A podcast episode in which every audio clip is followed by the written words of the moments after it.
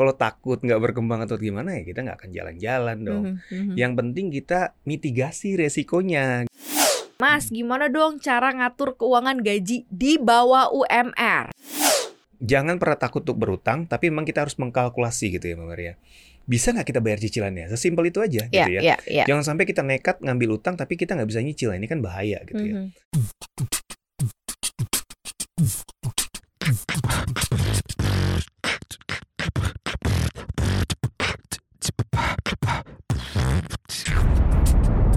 Cuap-cuap cuan. Halo Sobat Cuan, selamat datang di podcast Cuap Cuap Cuan. Hari ini ada Maria Katarina dan juga ada Mas Ai Hidayah di sini Financial Halo, Expert CNBC Indonesia Cuan. ya. Sudah ada Mas Ai, sudah ada laptop.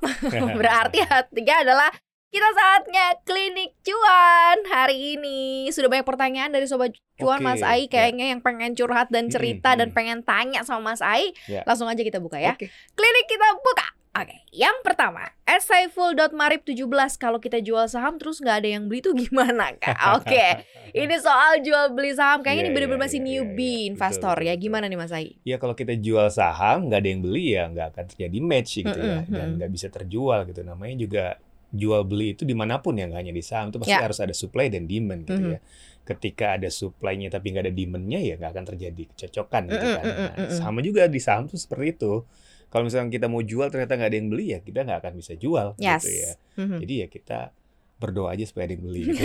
Berarti ada kesalahan tertentu nggak sih? Mungkin kesalahan pilih sahamnya. Kenapa kok bisa terlalu banyak yang bid daripada over? Ini Mm-mm. bisa jadi apa ya? Refleksi nggak sih bagi investor nih kalau kemudian dia milih saham tapi yang sahamnya tuh malah sepi peminat gitu ya. Itu Betul. jangan-jangan cuman kamu dan segelintir orang doang yang beli. Iya, kan ini iya, agak cukup iya. berbahaya gimana nih Mas? Iya, kalau memang sudah terjadi seperti itu, ini jadi warning buat kita ya. Oh, Mm-mm. ternyata ini saham nih nggak ada yang beli nih. Nah, nggak ada yang beli kan bisa ada berbagai macam hal ya. Tapi yang pasti kalau udah nggak ada yang mau beli, itu pasti sahamnya nggak menarik gitu kan. Yes. Kalau Mhm. nggak menarik ya mungkin kinerjanya nggak bagus gitu ya, atau mm-mm. mungkin manajemennya buruk gitu ya, atau mungkin bisnisnya nggak nggak nggak potensial gitu. Banyak eh, faktornya gitu ya. Yang pasti kita memang sebelum membeli saham atau memilih saham harus memang kita lihat dulu ya kinerjanya, fundamentalnya seperti apa Mhm, manajemennya oke nggak gitu ya, prospek bisnisnya bagus nggak, Ya, gitu. ya, jangan ya, ya, sampai ya. nanti ketika kita udah beli, ya itu tadi kita nggak bisa jual gitu ya, ini kan bahaya banget, apalagi kalau turun-turun terus ya, lagi sekarang bisa sampai satu rupiah loh saham. Iya makanya hati-hati ya soalnya Hmm. karena memang eh, perusahaan-perusahaan tuh ada level-levelnya nih. Ada yang Mm-mm. memang levelnya cukup menarik, Ya. eh, ada yang udah mature, ada yang masih growth, ada yang Mm-mm. memang masih under value, ada yang udah mahal banget. Memang Ya. harus mulai diklasifikasi. Kira-kira kita tuh mau yang mana gitu ya. Nah kalau udah kayak gini nggak ada yang over, nggak ada yang nawar ya. Kamu Hmm. jualan barang nggak ada yang nawar ya. Wow, bahaya juga nih gitu ya Bahaya, iya, cukup iya. berbahaya. Jadi Hmm, harus hmm, hati-hati ya Saiful hmm. ya. Lanjut, kita ke Betul. Emma Cisa 22 ya. Mau tanya dong, bisa jelasin gak sih cara dan tips berinvestasi perak? Oh, ini malah ke perak, nih Wah, bukan ini ke emas nih. ya. Jarang-jarang nih yang Jarang banget yang nanya Heeh. soal logam, tapi logamnya perak bukan betul, emas ya, betul, Mas betul, Ai. Betul. Iya, memang kalau kita baca ya beberapa eh, pakar investasi, perak ini memang investasi yang jauh lebih menarik dari emas. Serius? Iya, Ya, karena kenaikan tahu. harganya itu jauh lebih besar Wow. emas gitu ya. Mhm. Bahkan dalam kurun waktu tertentu, mungkin 10 tahun terakhir kalau nggak salah dia tuh bisa sampai ribuan persen. Gitu. Tapi ada tapinya nih, untuk penyimpanannya agak lebih jauh lebih susah Ketimbang emas. ketimbang emas. Oke. Kenapa? Karena perak ini dia rentan dengan korosi atau berkarat atau rusak gitu ya. Hmm, Kalau kita nggak punya tempat penyimpanan yang layak nggak gitu ya. Nah ini makanya ini nggak ada jadi- yang ini ya kayak apa namanya Hmm. digital ya silver digital gitu ada nggak sih kan kalau gold Mm-mm, digital ada mm-mm, nih kita mm-mm, bisa mm-mm. cicil sehingga Iya. kita nggak harus pegang barangnya Mm-mm, gitu. ya. Kalau silver gimana mas? Kayaknya sejauh ini ya di Indonesia terutama ya kayak belum ada. Oke. Karena memang mungkin eh, demand-nya nggak terlalu besar kali ya mhm. untuk perak itu.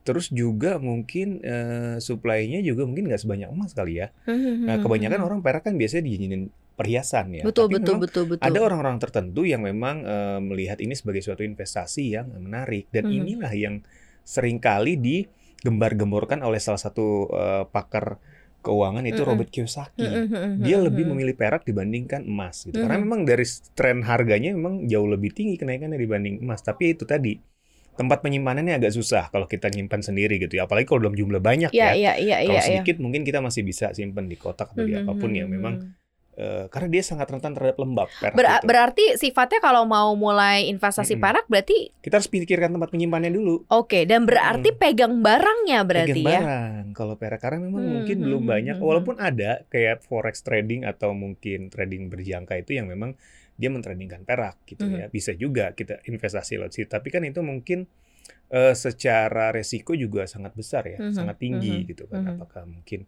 cocok atau enggak dengan profil resikonya gitu ya. Oke. Tapi memang ada orang-orang yang mengumpulkan fisik ya, perak fisik ini Mm-mm, gitu ya.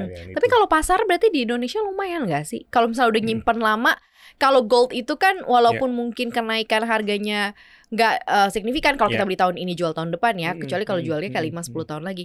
Kalau perak tuh gimana kar as a Mm. karakteristik? Mm. Apakah kita bisa jual kembali di toko di mana kita beli Ya. atau kita bisa lintas negara jualnya atau kayak Mm. gimana sih Mas? Ya sekarang ini kan zamannya udah borderless ya. Bisa Mm-mm. juga sih jual keluar gitu kalau emang emang ada eh, apa pembelinya gitu nggak ada masalah gitu ya. Bisa juga dijual di tempat yang beli atau mungkin ke kalau mau simple ya mungkin ke tempat pembuat perhiasan kali ya. Itu bisa. Hmm. Biasanya mereka juga kan butuh banyak untuk eh, campuran perhiasan gitu. ya. Jadi Mhm, memang mhm. pasarnya tetap ada tapi memang peminatnya kalau di Indonesia mungkin nggak nggak sebanyak emas gitu ya. Mhm. Ada tapi mungkin nggak sebanyak emas. Nah, mungkin perke- dalam perkembangannya nanti juga mungkin akan jauh lebih berkembang. Mungkin aja ada dengan platform kayak emas sekarang kan Oh bisa iya buat iya iya iya platform iya gitu iya kan. iya. Eh, kalau sekarang mungkin kayaknya sih belum ada deh, kayaknya belum ada Mhm. untuk yang perak ya. Tapi kalau emas kan udah banyak. Wow, emang nih kayaknya udah one step Mm-mm. Ahead Dia ya berpikir udah, pemikirannya udah ya. jauh lebih ini ya ke depan. Dan Bagus. ini kayak memberikan satu pertanyaan yang agak-agak jarang dijawab-jawab cuan ya. Iya. Tapi kita coba nanti perdalam lagi ya soal Mm, investasi mm, mm. perak ini ya. Oke. Apakah memang benar se-opportunity-nya sebesar itu gitu ya Iya. seperti kata Robert Kiyosaki ya. Mm. Next nih Mas Ai ada Endiarto Adi pengen Oke. ambil KPR rumah Mas Ai Hmm. tapi sisi lain ini masih harus bayar uang kuliah kurang lebih tiga tahun lagi gimana? Waduh, ini sebenarnya kita lihat dulu ya. Rumusnya kalau dalam perencanaan keuangan itu kan jangan sampai cicilan eh, cicilan hutang kita itu eh, lebih dari 30% dari penghasilan Mhm, gitu ya, mhm. Mbak Maria ya. Kalau ternyata memang bayar uang kuliahnya masih di bawah 30% nggak ada salahnya ya untuk ngambil Ya. KPR gitu kan. Karena kan. KPR ini kan jangkanya panjang biasanya Mhm, umumnya mhm. kan. Kalau nggak dimulai sedi- sedini mungkin ya kapan lagi gitu Betul, kan harganya juga akan betul. makin naik gitu ya. Mm. Jadi yang harus kita pastikan adalah eh, cash flow-nya mencukupi apa enggak nih? Cicilan hutangnya jangan sampai lebih besar dari eh, plafon misalkan di Mhm. atas 30% dari penghasilan gitu ya setiap Mhm. bulannya. Kalau misalkan masih ada ruang, ya silakan aja nggak masalah gitu ya. Selama memang kita cari yang eh, sesuai dengan eh, pendapatan kita atau penghasilan kita Mhm. ya. Jangan sampai kita memaksakan gitu ya. Hmm, Saking hmm, pengennya hmm, punya hmm. rumah nih, ah udahlah nekat aja lah pokoknya sisanya Ya, penghasilan ya. buat KPR ya. Jangan juga gitu kan. Mhm. Nanti kan kita butuh untuk operasional gitu ya, untuk dana darurat dan lain sebagainya juga harus kita pikirkan juga gitu. Jadi Mhm. memang selama masih ada ruang untuk menyicil gitu ya, Mhm.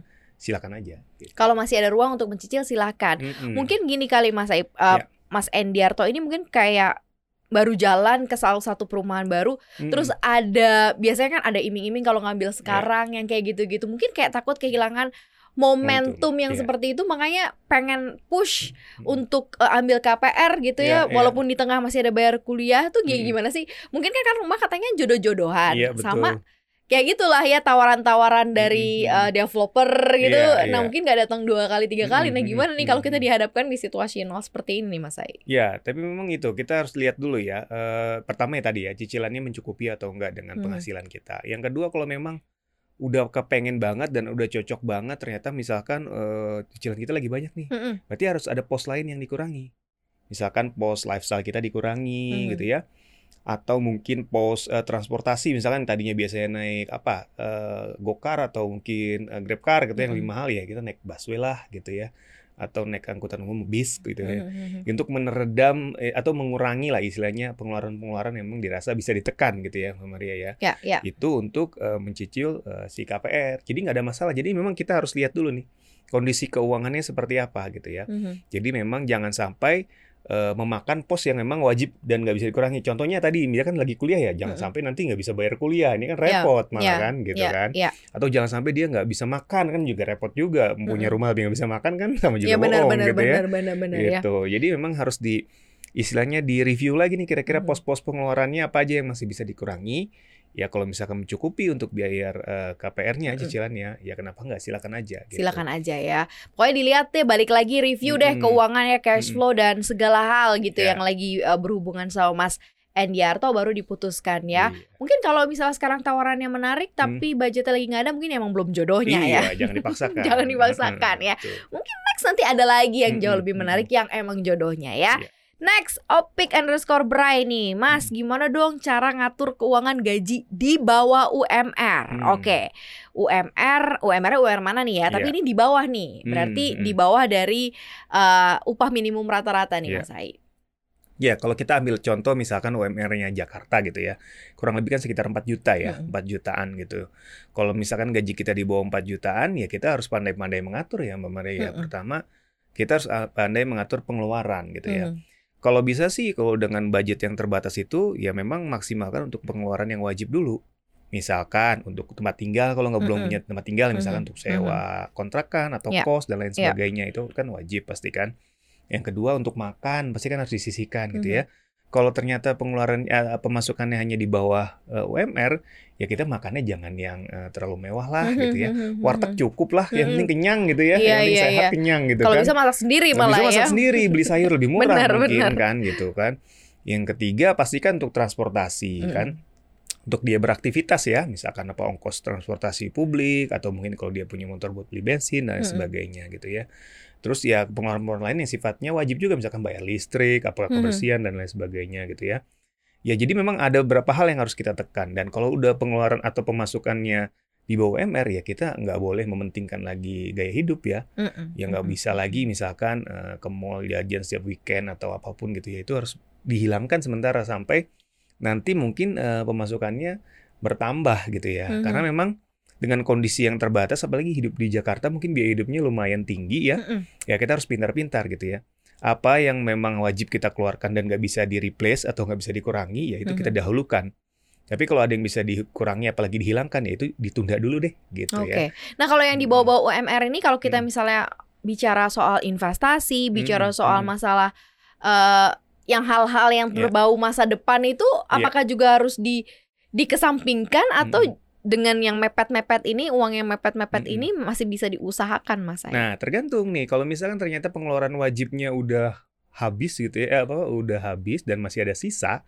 ya boleh misalkan buat beli asuransi atau Hmm, buat hmm. investasi gitu ya. Tapi kalau ternyata memang nggak cukup gitu ya untuk pengeluaran wajib aja udah ngepas banget nih Hmm. ya, kita nggak nggak boleh memaksakan juga gitu. Mhm. Karena investasi itu kan memang eh, terminologinya adalah uang lebih gitu ya, uang lebih yang memang kita investasikan dengan harapan nanti dia akan terakumulasi di masa yang akan datang gitu kan. Mhm. Nah, lain halnya dengan asuransi sebenarnya. Nah, asuransi inilah yang sebenarnya harus diutamakan kalau memang kita punya uang lebih.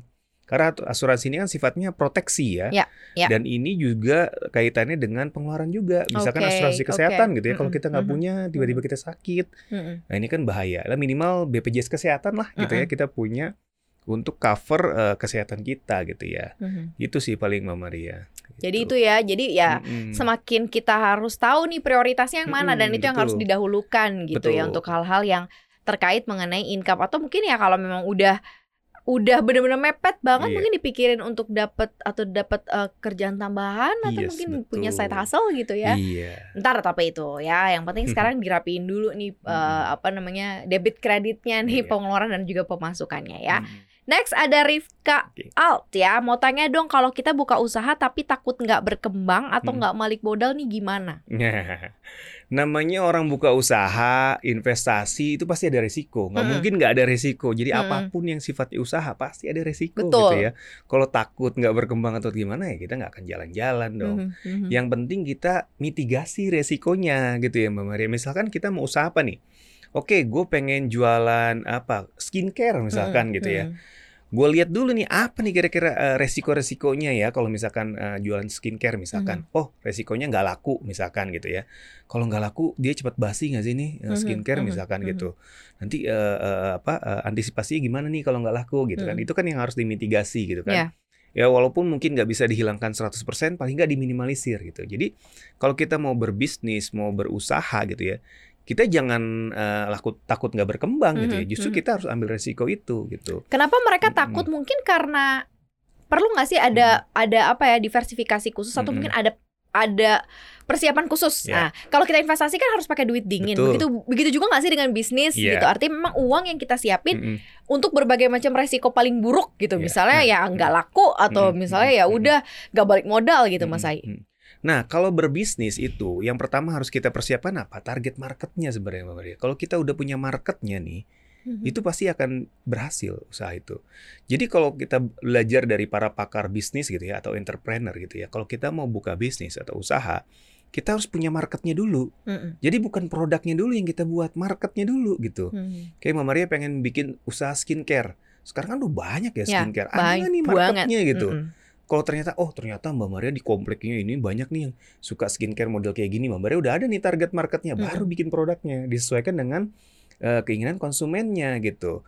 Nah itu biasanya usaha-usaha atau bisnis-bisnis yang berhasil. Mhm. Tapi kalau kita misalkan eh, bikin produknya dulu nanti baru cari marketnya, bukan berarti nggak berhasil ya. Tapi itu butuh effort yang jauh lebih keras gitu ya. Butuh modal mhm. yang pasti yang jauh lebih besar. Untuk apa? Untuk promosi, Oke. grab mar grab to Mhm. market dan segala macamnya. gitu. Tapi kalau kita udah punya marketnya, walaupun sekecil apa pun atau senis apa pun, itu biasanya udah bisa jalan tuh. Pelan-pelan nanti tinggal Hmm. kita besarkan. Jadi kita harus punya marketnya dulu, baru nanti kita bikin kayak semacam competitive advantage dari produk kita apa nih dibanding Iya, iya, iya, kompetitor iya, gitu iya, ya. Baru nanti mungkin dari eh, sisi harga, promosi dan lain sebagainya. Jadi lihat dulu marketnya apa Marketnya, yang dibutuhkan betul. apa baru disediain produknya gitu ya. Betul, Jadi nggak perlu pusing-pusing kalau tiba-tiba kamu orang-orang Mm-mm. sekitar kamu butuhnya uh, steak kamu jualannya mie gitu ya ya Iya, nggak masuk nggak gitu masuk, ya. Betul. Jadi memang harus disesuaikan Mm-mm. gitu ya dari target pasar kamu. Iya.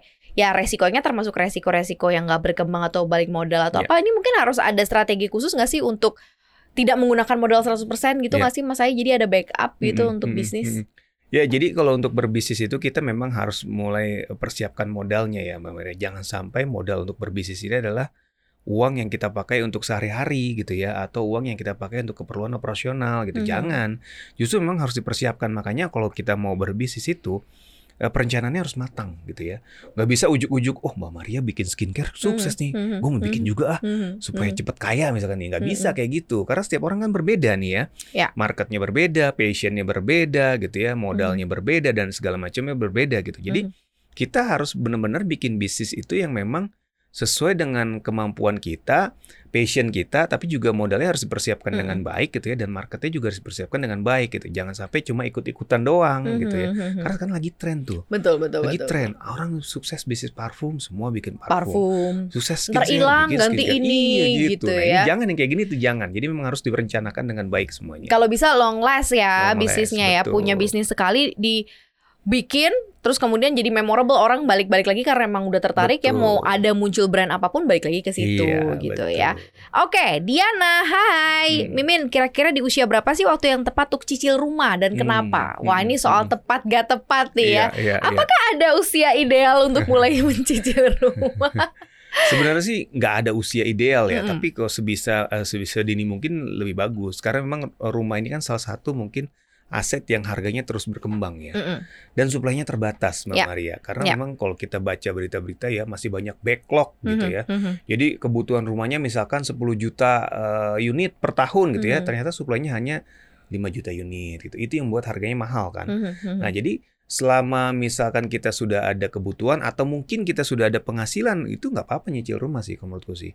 Oke. Misalkan eh, dia baru pertama kali bekerja nih, ya udah langsung aja kalau Mhm. emang ternyata bisa gitu ya eh, penghasilannya kenapa, Kenapa enggak? nyicil dan gitu kebetulan ya. ada yang cocok gitu ya. Mm-mm, rumahnya kenapa enggak? Karena memang itu tadi satu karena harga rumah terus naik. Mhm. suplainya terbatas gitu ya. Eh, yang ketiga adalah ya itu biasanya kan orang kayak kalau uangnya terbatas pasti nyicil nyicilnya kan 10 tahun 20 Mm, mm, tahun mm, bahkan sekarang muncul banyak tuh di sosial media di TikTok di mana ya nyicil rumah waktu masih muda udah lunas udah pada tua Ya. peot gitu kan karena Benar, 20 benar, tahun benar. 30 tahun gitu kan Benar, benar, iya benar, kalau misalkan kita masih muda ya ada uang kenapa enggak gitu ya Ya karena ya usia produktif kita kan kalau kerja di kantoran tuh sampai 55 tahun ya. Iya. Syukur-syukur diperpanjang sampai 60 tahun itu kayak jarang banget ya. Jarang, jarang. Biasanya 55 tahun ya ke 56 atau 57 tahun. Hmm. Berarti kalau ngambil tenornya 20 tahun ya dihitung mundur aja. Berarti Iya. terakhir tuh last adalah di 35 tahun. 35 tahun kalau Bener sampai kan? pensiun iya Iya, betul. jadi jangan sampai nanti udah kerjaan nggak ada tapi masih nyicil Masih kan. nyicil. Lebih baik selesaiin sebelum masa kerja kita selesai Mm-mm, gitu. betul. Jadi ya mungkin 35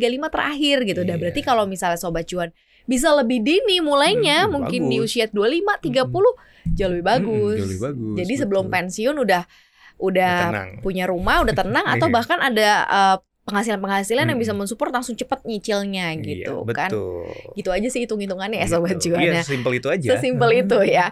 Oke, Hmm. ada terakhir nih ya, secret underscore she dia nanya, "Min, aku baru aja pisah, mungkin Mm-mm. divorce ya. Hmm. Keuanganku nih akhirnya harus mulai dari nol lagi. Mm-mm. Punya usaha make up wedding. Nah, ada rencana mau ambil pinjaman ke bank buat gedein usaha nih. Mau mi- menurut Mimin gimana?" Oke, itu tadi kembali ke ya ke Yes. prinsip utama dalam berbisnis. Kalau dia memang sudah punya marketnya gitu ya, bisnisnya sudah ada konsumennya, dan ternyata udah jalan, tapi modalnya kurang, kenapa enggak ambil pinjaman di bank gitu ya? Mhm.